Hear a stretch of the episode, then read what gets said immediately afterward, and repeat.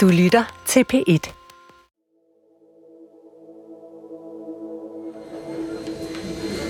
Jeg håber, at øh, du vil føle dig lige så godt tilpas i Indrigsministeriet, som jeg har gjort. Pas godt på det. Da Birte Weiss overdrager nøglerne til Indrigsministeriet til sin efterfølger og partifælle Torkel Simonsen i 1997, kommer hun med en lille løftet pegefinger. Men pas først og fremmest godt på balancen imellem humanisme og stramhed i flygtningepolitikken. Torkel Simonsen, der indtil da har været borgmester i Aarhus, er på det her tidspunkt 71 år gammel. Jeg havde regnet med, at jeg om to måneder og 11 dage skulle gå af som borgmester og være pensionist. Men sådan skulle det ikke være. Det er faktisk et mærkbart skifte i socialdemokratisk udlændingepolitik, der sker her under den høflige ministerrokade. Eller et forsøg på det i hvert fald. Udnævnelsen af Torkel Simonsen er statsminister Poul Nyrup Rasmussens måde at imødekomme en del af de socialdemokratiske vælgeres stigende bekymring over flygtninge- og indvandrersituationen i landet. Og han blev sat ind med ét formål, og det var at stoppe mig. Det lykkedes ikke særlig godt, men det var derfor. Torkel Simonsen bliver nemlig opfattet som en strammer. Og hvis jeg dengang blev hængt ud som en, der vil stramme alt muligt, så er det jo selvfølgelig rigtigt nok, at jeg vil stramme betydeligt mere end, end flertallet ville. Men flertallet ville jo ikke ret meget. Du lytter til verdens bedste lov om udlændingelovens turbulente historie. I dette afsnit fortæller vi historien om, hvordan Danmark får sin og verdens første integrationslovgivning. Men det viser sig at være en sværere opgave, end man skulle tro. Og hele udlændingedebatten bliver lige et par grader varmere, da et helt nyt parti dukker op midt i det hele og tror Socialdemokratiet. Mit navn er Abdel Aziz Mahmoud.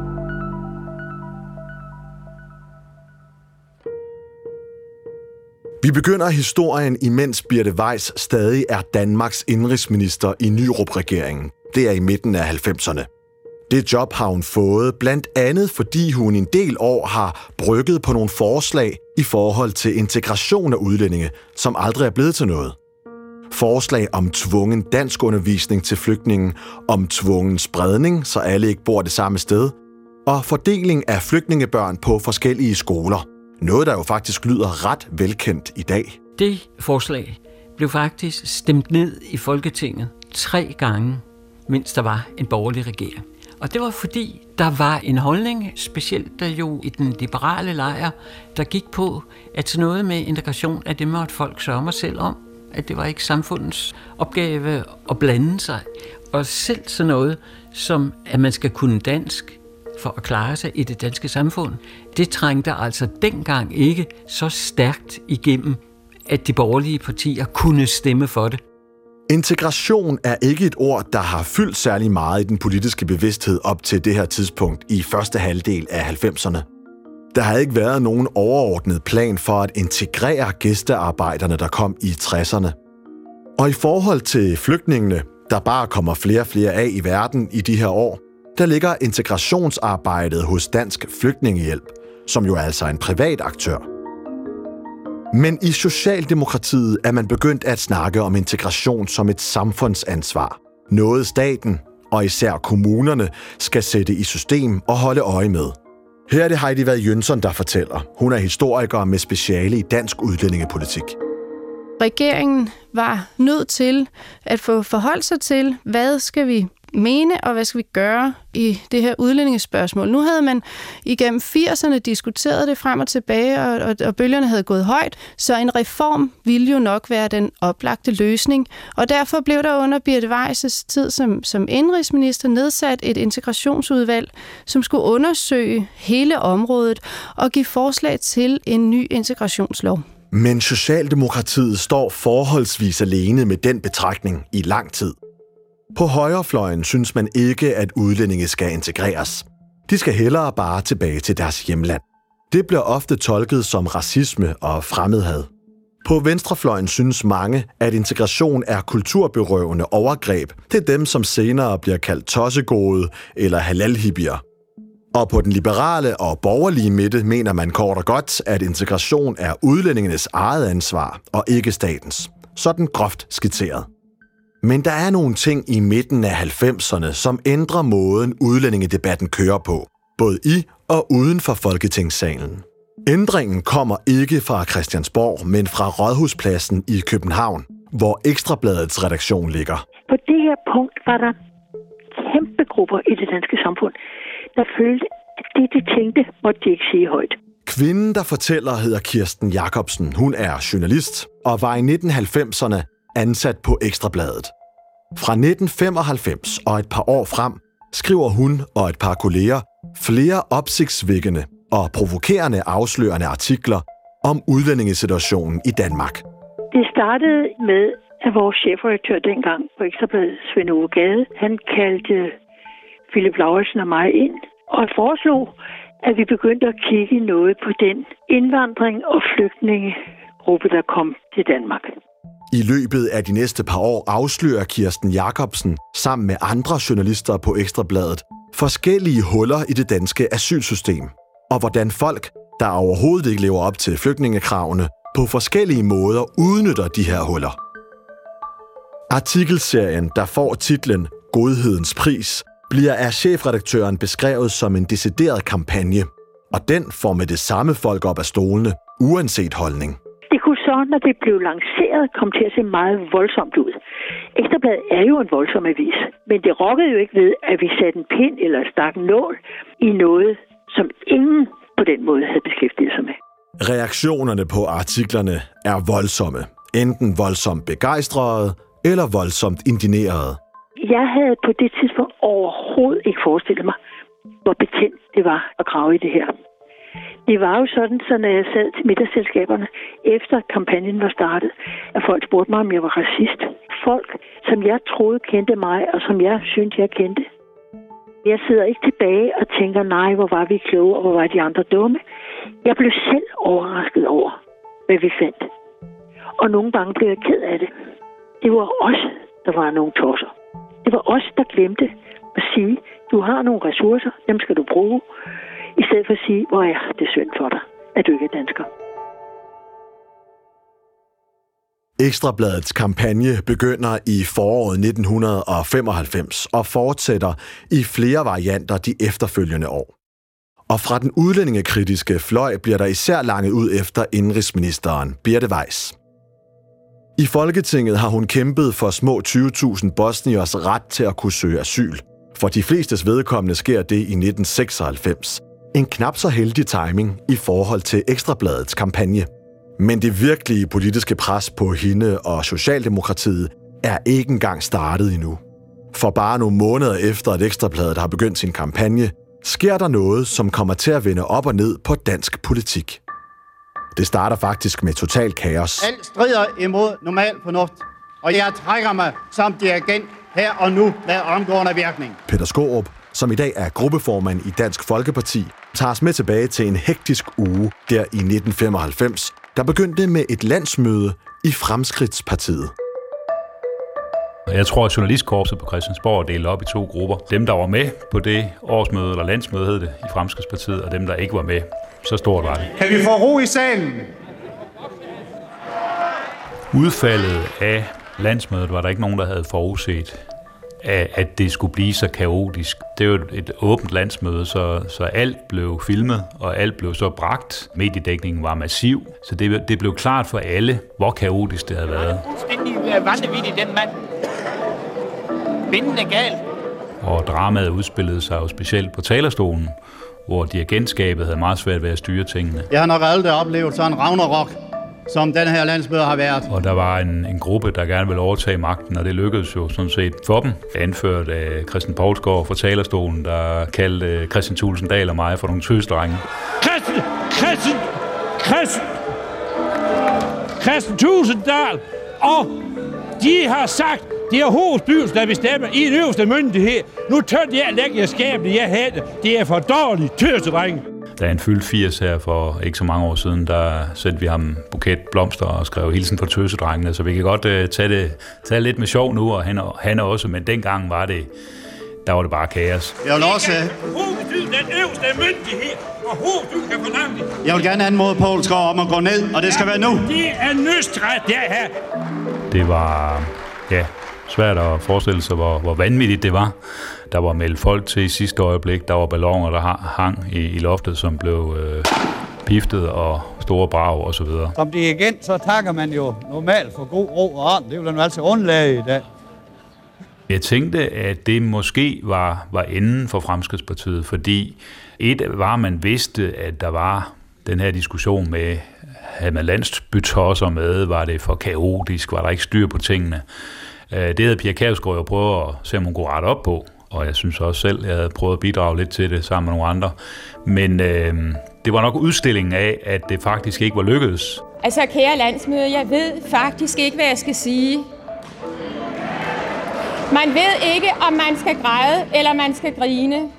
Da så morgenradioviserne bragede løs med krav fra baglandet om, at man burde stifte et nyt politisk parti, ja, så øh, begyndte jeg da at tænke, jamen det kunne da måske være en mulighed, for det var ikke muligt at forestille sig, at Fremskridspartiet kunne leve videre øh, bare på et nogenlunde niveau. Radiovisen. Hele formiddagen har Fremskridspartiets landsmøde haft kampafstemninger mellem partiets to fløje. Pia Kærsgaard taler om blodhævn. Faktisk allerede øh, onsdagen efter, at øh, man havde haft det her øh, landsmøde i Fremskridspartiet, der var vi nogle stykker, der samledes og prøvede at finde ud af, kunne det bære?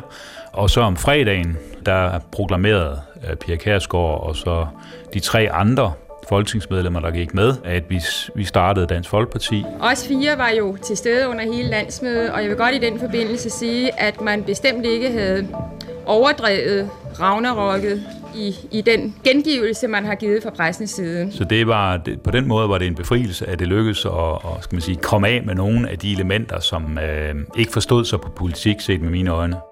Og der var så nogen, der sagde, at ah, det er så det sidste, vi hørte til Pia Kærsgaard, men det var det jo ikke. Det lykkedes faktisk at få dannet et stærkt politisk parti. Og navnet, som vi fire vil arbejde for fremover, det er Dansk Folkeparti. Oprettelsen af Dansk Folkeparti og Ekstrabladets afsløringer er den baggrund, som slut-90'ernes udlændingepolitik skal ses i lyset af. Det er blevet 1996, og Birte Weiss, som stadig er indrigsminister her, har nok at se til med de mange bosniske, især muslimske, asylansøgere, som i løbet af kort tid skal have deres sager behandlet.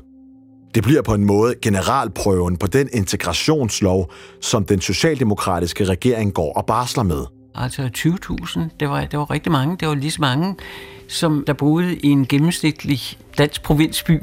Derfor skete der en nyskabelse i udlændingepolitikken i forbindelse med bosnierne, nemlig at for første gang blev den decentraliseret. Man dropper de store asylcentre og spreder i stedet ansøgerne i lidt over 100 byer rundt omkring i landet. Dermed blev opgaven jo også overkommelig, fordi 20.000 delt med 100, hvad er det? Ja, det er 200.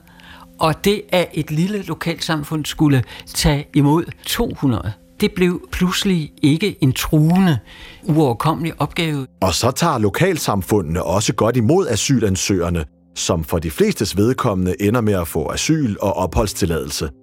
Der er mentorordninger, fællesspisning og foreningsliv. Og i dag kan vi se, at en meget stor part er blevet boende på den egen, eller i den region, hvor de fuldstændig tilfældigt havnede for 25 år siden. Birte Weiss bruger bosnier-erfaringerne i sit arbejde med integrationslovforslaget. Men selvom det går godt med den gruppe, stiger frustrationen alligevel i befolkningen over andre grupper. Der kommer alt for mange luksusflygtninge op, eller hvad man nu skal kalde dem der, og, og så øh, lukrerer de hårdt. Og der er mange af dem, de kan jo rulle til hjem igen, og det er jo ikke rigtig flygtninge, som dem, de vil så gerne sammenlignes med øh, fra krigen fra 2. verdenskrig. Ja.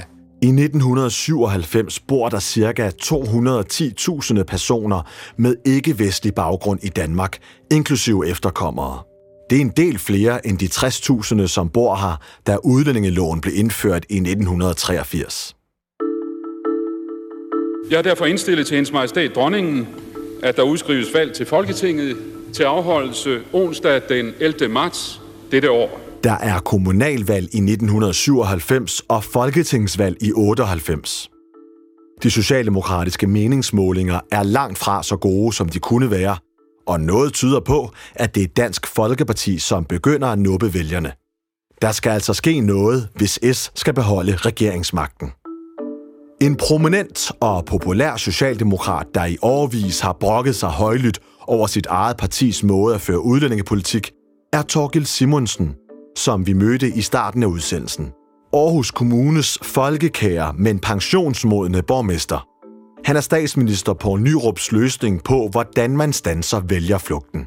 Så Nyrup afsætter den erklærede humanist Birte Weiss og hiver i stedet Torkel Simonsen ind på Christiansborgs bonede gulve som indrigs- og flygtningeminister. Jeg har lige været på en tur med havnevalget i Aarhus. Vi har været i Sydafrika, og jeg var kommet hjem om lørdagen. Og så ringer Nyrup op kl. 12.55 om søndagen og siger, at han har så mange problemer. Nå. Og jeg tænker, hvad er det for problemer, jeg skal løse for statsminister? Ja, det er hende Pia Kærsgaard. Hun vokser alt for mig. Nå, jamen hvad, hvad har det med mig at gøre? Jo, jeg har tænkt, du i morgen skal være flygtningeminister. Nå, har du det, sagde jeg.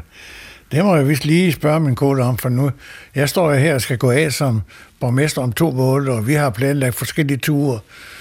Ja, men om ikke overveje det grundigt. Jo, jo, det vil jeg da godt. Hvor lang tid må jeg få? To timer? To timer, sagde jeg. Nå. Men øh, jeg melder så tilbage, at jeg vil godt påtage med den post. Og jeg regnede med, at den var frem til valget næste år. Og det var sådan en overgangsperiode lige der, som det kunne hjælpe. Og jamen, det tror jeg ikke Nyrup regnede med. Min kone regnede med, og jeg går i sig også. Så jeg sagde, jeg tænkte, det tror jeg sjovt lige at prøve at være minister tre måneder her. Men så blev det jo ikke. Simonsen skal bruges til at holde på de socialdemokratiske vælgere, der synes, Birte Weiss er for blød. Og allerede dagen efter skal overdragelsen ske. Torkild, vil jeg sige, du overtager meget tankegods, og du overtager også mine aktuelle oplæg til en række nye initiativer på udlændingeområdet. Du skal kort sagt gøre dig en del umage for at komme rigtig galt af sted. Men pas først og fremmest godt på balancen imellem humanisme og stramhed i flygtningepolitikken. Der var ønske på det tidspunkt om nogle stramninger i udlændingelovgivningen, som jeg ikke hverken ville eller kunne levere. Og der kunne man jo selvfølgelig lade det udvikle sig til et kæmpemæssigt drama i mellem statsministeren og mig og fløje i partiet og sådan noget. Men øh, det øh, kom ikke til at udvikle sig til noget stort drama, og når jeg ser tilbage på det i dag, så er jeg egentlig også glad for, at det ikke var sådan. Birte Weiss har jo ret i, at vi bygger på det arbejde, der var lavet indtil jeg kom, og det var mig, der så vi selv at ændre holdning. Og derfor kan man jo godt sige, at, at mig af det der, det er noget, Birte Weiss i og for sig har en stor del af æren for. Altså, det er der nødt til at sige nu, og det, jeg siger ikke, for det er nødt til at sige. Det er bare rigtigt. Men at jeg ikke ser på, Birte altid tror, jeg mener det der. Det er ikke sikker på. Men jeg, jeg har i og for sig aldrig haft nogle, nogle problemer med Birte Weiss. Det, det er selvfølgelig ganske uforskammet at smide hende ud og sætte mig ind, uden hun direkte har bedt om det, for det har hun ikke. Og hun har været til møde søndag aften om flygtningepolitik, uden at Nyrup har sagt, at han havde udnævnt en ny. Det har han ikke sagt til hende om aftenen, da de holdt møde om flygtningepolitik. Ja, det der står ingen, det kan du ikke finde nogen papir, men uh, jeg ser nu, at det er rigtigt. Torgild Simonsens opgave er at få vedtaget en stor udlændingepakke på tværs af Folketinget.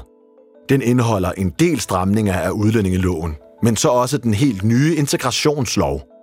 Han skulle, så at sige, være broen over udlændingekløften. Heidi Vad Jønsson forklarer. Torgild Simonsen, han var på ingen måde en strammer, men han var heller ikke en, en slapper. Han var faktisk den der brede midterbane, som havde været så usandsynligt svært at få identificeret. På papiret er Torgild Simonsen et klogt træk, men der er lige en joker med i spillet. De radikale, som sidder i regering med Socialdemokraterne. Altså, nogen synes nok, vi skulle øh, være lidt skrabere. Men vi var også bange for, at vi generer de radikale for mig. Der var en stor gruppe, der ikke ville have, at vi skulle genere de radikale. Jeg tilhørte den gruppe. Særligt en radikal får generet Torkel Simonsen en del i hans forsøg på at få gennemført det, der skal blive verdens første integrationslov. Det var en lov, der lige var ved at gå i vasken. Der var noget med en passende bolig, og det var næsten ved at vælte det hele. Den radikale flygtningeordfører Henrik Svane underkendte i dag Torgild Simonsens forslag om at stille krav om en passende bolig i forbindelse med familiesammenføringer. Det mener jeg, Henrik Svane har sagt ja til. Og så får jeg pludselig at vide, at det mente han ikke. Det har han aldrig ment. Og det passer i hvert fald ikke. Han kunne aldrig huske, hvad han har vedtaget. Sådan dagen før, så når jeg kom fra en møde, så det var da dejligt, radikale, de var positive. Dagen efter stod lige det modsatte, det her Har du glemt at tage de radikale i ed, eller er de løbet fra en aftale? De radikale har været med ved alle samtaler med V og K, også da vi gav det her løfte. Så de er løbet fra en aftale? Det tror jeg ikke, jeg skal kommentere. På et tidspunkt, hvor jeg efter en weekend bliver præsenteret for nogle papirer, som, øh, som vi har diskuteret ugen inden over hos Torkel Simonsen, sammen med Ben Benson og, og Bjørn Hornbæk, bliver præsenteret for nogle papirer, som jeg siger, det har vi ikke vedtaget, det består her. Det her er Henrik Svane. Og så falder de over mig alle tre og siger, at det har vi da vedtaget i sidste uge. Så det har vi ikke. Så du har sovet i timen. Og den bliver så pludselig banket ud i pressen, at jeg har sovet i timen. Og der havde jeg et døgn, hvor jeg ikke kunne træde tre skridt på på gangene på Christiansborg, uden at jeg fik en mikrofon stukket op i hovedet. Krise i regeringen. De radikale trak i dag tæppet væk under indrigsministerens brede forlig om udlændingeparken. Partiet ville simpelthen ikke være med til aftalen. Kløften internt i regeringen er tydelig for enhver. Det blev mig for meget, fordi jeg havde beviser for, at jeg ikke havde sovet timen. Og på et tidspunkt så går jeg til Marianne og siger, at nu får du en time til at få din øh, statsminister til at stoppe det her. Fordi hvis ikke det sker, så går jeg på Ritzau, og så dokumenterer jeg, at jeg har ikke sovet i timen. Og så er det de andre, vi tørrer Men det har jeg ikke spor lyst til. Vi skal have en ordentlig lov igennem. Det gør desuden ikke regeringskrisen mindre, at integrationsloven jo er tænkt som et bredt forlig mellem de største partier i Folketinget. Og at den skal skabe ro i udlændingedebatten. For i takt med, at regeringssamarbejdet skrænter, bliver de borgerlige partier i forhandlingen mere og mere utilfredse. Især er det de radikale og mere specifikt Henrik Svane, der står for skud. Jeg kan huske en gang, Birte Røn står op på talerstolen. Jeg ved godt, I er efter ministeren, men det er helt uretfærdigt. Det er ham, der sidder dernede, der laver helt ballade. Så peger hun ned på Svane. Fra Folketingets talerstol, det må man føre slet ikke. Det, her Henrik Svane har gjort, det er ganske enkelt for ringe, her Henrik Svane. Alle spilleregler er overtrådt. Hvordan vil du betegne de radikales optræden i denne her sag? Uvederhæftig. Pjaltet. Ynkelig. Du er i en risikogruppe for at blive hadet. Både af dine egne, men også af andre, der ved dig det slemt. Så man skal have en bred ryg for at gøre det.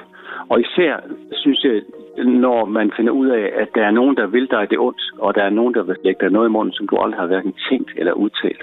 Men altså, Hvordan det endte den sag? Der endte med, at jeg påtog ansvar. Jeg sagde, men det, det må mig, der har lavet fejl. Så gik jeg hjem. Der i juni måned, i sidste øjeblik. Med hiv og sving fik regeringen sin nye udlændingelov igennem i dag, Folketingets sidste arbejdsdag før sommerferien. Loven ender med at blive gennemført, men ikke fordi et flertal i Folketinget stemmer for. Ud af de 10 partier, der sidder i Folketinget, stemmer kun Socialdemokratiet, Radikale Venstre og CD for integrationsloven. De borgerlige partier vil ikke stemme for integrationsdelen, da de føler, at de lovede stramninger er blevet udhulet af de radikale. Men de vælger til gengæld heller ikke at stemme imod. Så loven bliver gennemført, fordi den ikke har et flertal imod sig. Nu har konservativ og Venstre i ugevis været kritisk over for hele den her lovpakke. Hvorfor ender det så alligevel med, at I er med til at bære den igennem? Vi har fået så mange indrømmelser, så mange stramninger i udlændingeloven, at øh, vi følte, at vi kunne ikke komme længere, derfor måtte vi stemme for. Men der manglede for mange ting i integrationsloven, til vi kunne stemme for den.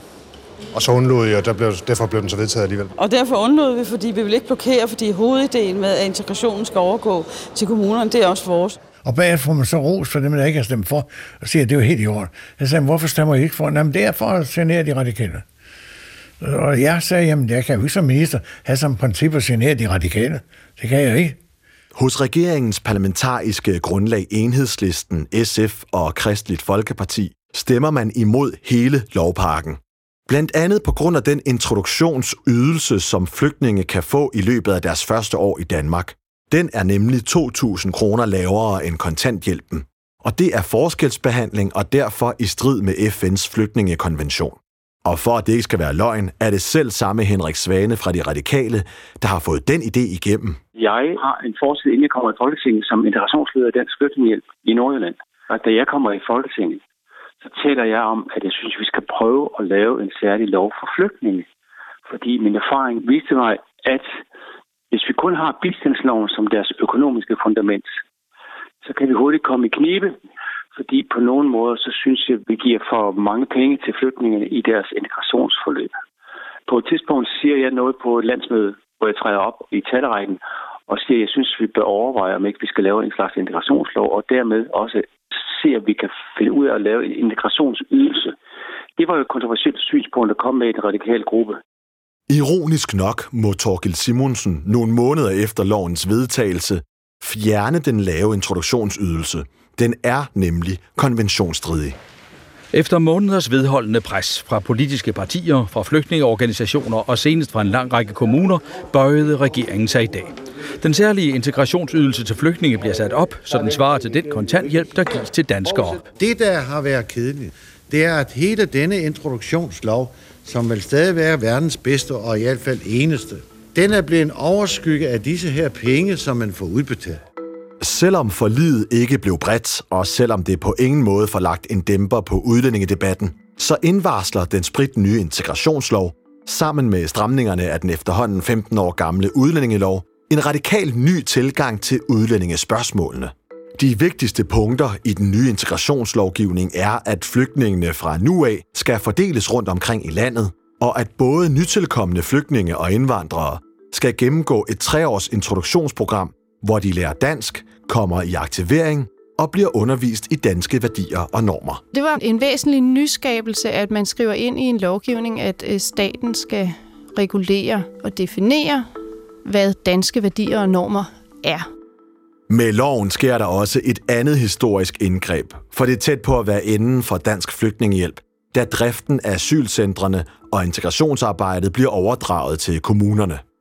På cirka 15 år er Dansk Flygtningehjælp gået fra at sidde med i det udvalg, der forberedte den berygtede udlændingelov fra 1983, endda med en overordentlig stor indflydelse, til i 1998 at få fjernet noget i stil med 80 procent af sine ansvarsområder. Det var et, man kan godt sige, en, en trussel mod organisationens eksistens, fordi flygtningehjælpens hovedopgave havde været og var at bistå ved at levere integrationsprogrammet til alle de nye flygtninge. Så hele organisationens raison d'être var sådan set på vej op i den blå luft. Stemmen her tilhører Andreas Kam, tidligere generalsekretær for Flygtningehjælpen. Bare et par år tidligere havde integrationsopgaven alene sikret flygtningehjælpen et par milliarder kroner, som de med et mister, og forholdet mellem Torkel Simonsen og flygtningehjælpen er fra start af anspændt. Jamen, jeg var ikke så god venner med dem dengang. Det, det, det kan ikke helt bortforklare. Det kan det ikke, fordi jeg synes, det, det er jo lidt for hårdt ved mig. Jeg tror nok, at Anders Kamp mente, det er jo helt forfærdeligt, at jeg blev minister. Det tror jeg, han mente. For han mente jo også, at jeg lavede nogle stramme, jeg aldrig har drømt om at lave. Og så kunne man tro, at generalsekretæren ville være vred.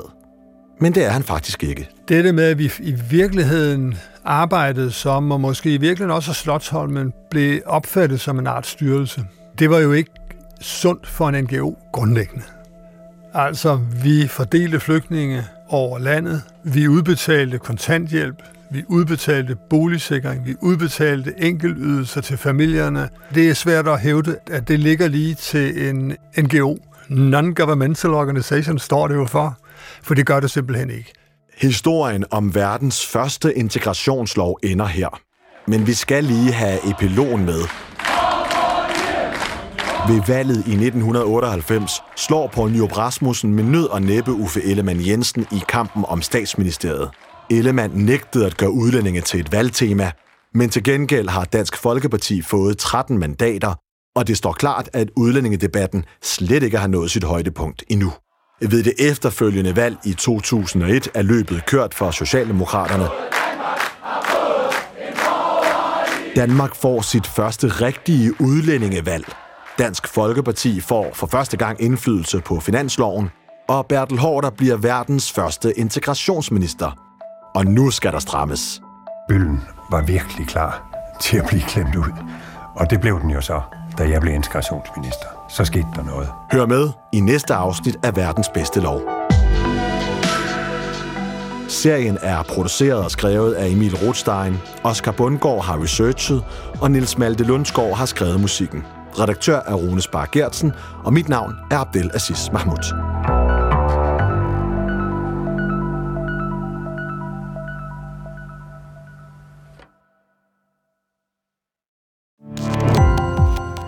Gå på opdagelse i alle DR's podcast og radioprogrammer. I appen DR Lyd.